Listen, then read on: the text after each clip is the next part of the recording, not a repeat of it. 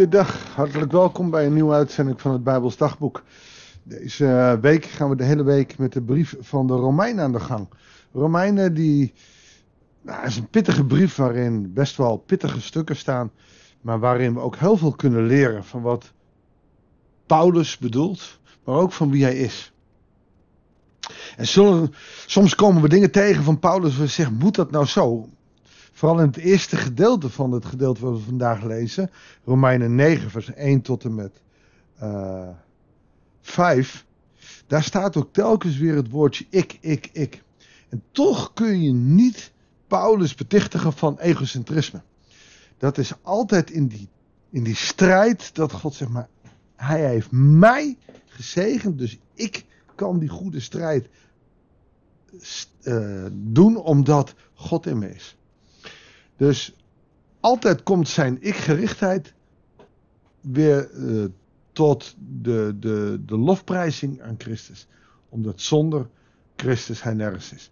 Zo gaan we het gedeelte van vandaag lezen, Romeinen 9, vers 6 tot en met 18. God heeft zijn belofte niet gebroken. Want niet alle Israëlieten behoren werkelijk tot Israël. Niet alle nakomelingen van Abraham zijn ook werkelijk zijn kinderen. Er staat immers geschreven, alleen de nakomelingen van Isaac zullen gelden als jouw nageslacht. Nou, hier zou je kunnen zeggen, dat betekent dus dat Ismaël, uh, waarin mensen geloven dat daar de islam uitkomen, niet als nageslacht van God zullen behoren. Je ziet ook dat zij op een andere manier met God omgaan. Noemen hem Allah, uh, maar gaan ook andere dingen aan hem toezeggen. Waarom? Omdat zij dus niet verder zijn gegaan met Abraham, Isaac en Jacob. Oftewel met het geslacht van Isaac. Dus de afstamming is niet zozeer de natuurlijke als wel dan dat je uitgekozen bent om erbij te mogen horen. Derhalve kun je wel stellen dat Ismaël wel gezegend is en dat nageslag van Ismaël heel groot zal worden. Nou, dat kennen we. Alleen die van Isaac is op grond van Gods belofte. Als iets een belofte is, dan zijn het deze woorden. Over een jaar kom ik terug en dan heeft Sarah een zoon. Sterker nog, Rebecca was van onze vader Isaac zwanger van een tweeling. En al voor ze geboren waren en nog niets goeds of slecht hadden gedaan, werd haar gezegd: de oudste zal de jongste dienen. Gods besluit blijft namelijk van kracht. God kiest een mens niet uit op grond van zijn daden, maar omdat hij hem roept. Zo staat er ook geschreven: Jacob heb ik lief gehad, Esau heb ik gehaat.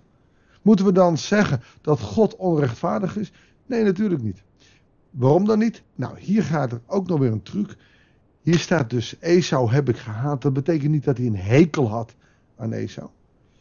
In sommige gevallen is liefhebben en haten tegenovergestelde. Als op de eerste en op de tweede plaats zetten. Esau werd op de tweede plaats gezet. Dat betekent niet dat God Esau niet wou redden. Nee, Jacob heb ik lief gehad. Oftewel, die zet ik op de eerste plaats. Daarmee laat God zien dat hij kiest. Het gaat niet om wat wij willen en wat wij zouden kiezen. Het gaat erom dat Jacob gekozen is door God. Is dat onrechtvaardig? Nou, in die tijd zou dat onrechtvaardig zijn geweest, want Esau was de eerstgeborene.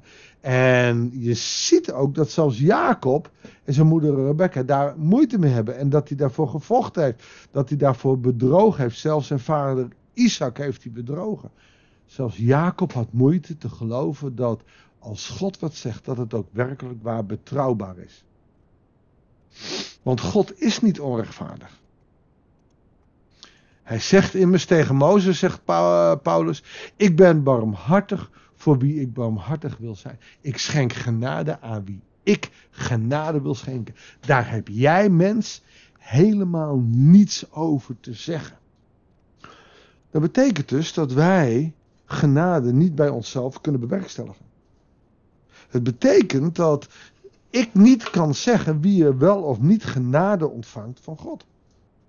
Dat is niet aan ons, dat is aan God. Nou, dat is in een discussie rondom bijvoorbeeld genezing. ook nog wel eens een lastige.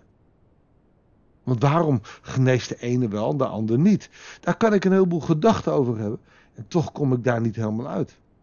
Omdat het niet aan mij is, niet aan de mens is, maar aan God is. Wie hij zal genezen of niet. Wie hij genade wil schenken of niet. Het komt zeker niet voor uit wat wij doen. Dat zegt hij. Alles hangt dus af van God en zijn barmhartigheid. Niet van de wil of de inspanning van de mens. Ik heb wel eens een vraag gekregen van een luisteraar. Ja, mijn partner die doet nergens aan, maar ze doet altijd goed werk. Ja, al doe je honderdduizend keer goed werk. Het gaat er niet om of de werken goed zijn. Het gaat erom of je hart gericht is op Christus. En dan nog hangt het af van Gods genade. Natuurlijk, zegt Paulus elders ook. Als je in Jezus Christus gelooft als zijn verlosser en zaligmaker, dan zul je gered worden. Zo zegt hij tegen, eh, volgens de schrift tegen Farao. Ik heb u alleen maar aangesteld om mijn macht te tonen en om iedereen op aarde te laten weten wie ik ben. Dus God is barmhartig voor wie hij wil en maakt halstarrig wie hij wil. Nou, dat zien we vooral in het Oude Testament, dat God ook harten verhardt. Hij verhardde het hart van Farao. Je ziet het zelfs ook bij Lucas. Hij moest geboren worden om uiteindelijk mijn grote daden te toonspreiden. Weet je, bij Farao weet ik het allemaal niet. Dat, dat, dat lijkt me. Maar een Judas. Denk eens met me mee. Dan ga ik eens even proberen ook genadig te zijn. Judas, die heeft zichzelf verhangen. Judas heeft de Jezus verraden. Maar hij moest dat doen opdat de schrift in vervulling ging. Dat is daar eigenlijk sneu. Dat je geboren wordt en dat er eigenlijk al bekend is dat jij de, de, de, de, de, de, God, de, de, de grote God, de, de Messias zal verraden. Dat het jouw taak is. Zou dan de genade er niet zijn? Zou Judas niet gewoon in de hemel zijn? Nou, dat is niet aan ons. Het is aan God of hij barmhartigheid wil schenken. En zo heb ik ook wel eens een hele andere discussie gehad. Als we nou eens even nemen en vergeef me even uh, voor mensen die het meegemaakt hebben. Als je kijkt naar Hitler. Stel nou, en het is niet zo, want Hitler heeft zichzelf uh, van het leven beroofd. En, en er staat nergens dat hij het deed. Maar stel nou dat vlak voor zijn dood Hitler zei: God, het spijt me. Zou hij dan niet in de hemel kunnen zitten? Ja, net als de moordenaar aan het kruis, zou Jezus dan gezegd: Heden zult u met mij in het paradijs zijn. Dat kan er bij ons mensen niet in. Maar het gaat ook niet om wat wij vinden. Dus ik, ik, neem nu een extreem voorbeeld. Maar het gaat er niet om wat wij vinden. Het gaat erom aan wie God barmhartigheid wil tonen. En het enige wat je daaraan kan doen, is goed in relatie staan met God. Is met Hem leven, met Hem je leven leiden en Hem je leven laten leiden. Dat is de enige oproep. Zorg dat Jezus jouw Heer, jouw Redder, jouw Verlosser, jouw Zaligmaker is. Zal ik daarvoor bidden? Lieve Vader in de hemel, soms zouden we het even willen weten. Is het zeker wat u ons doet? Of, of, en er zijn zoveel mensen ook in deze maatschappij nog die zeggen: Ik weet niet of het wel voor mij is. Heere God, wilt u ons helpen om om ons geloven in u te stellen zonder dat we alles zeker hoeven weten. Maar dat we weten dat u voor ons gestorven bent en opgestaan uit de dood. Dat is genoeg om, om uw genade te mogen ervaren. Zegen ons daarin en help ons om die onzekerheden weg te nemen. Heer, vul ons met de kracht van uw geest. Ook vandaag en deze week. Zodat we vanuit die liefde en genade mogen leven. Dat bidden wij u in Jezus' naam. Amen. Dankjewel voor het luisteren. Ik wens je van harte God zegen. Ga met Hem. Stel je hoop en je geloof in Hem. En je hoeft het niet altijd zeker te weten of, of een overtuigd te zijn. Als je maar weet dat Jezus voor jou gestorven is. Eigenlijk is dat de enige.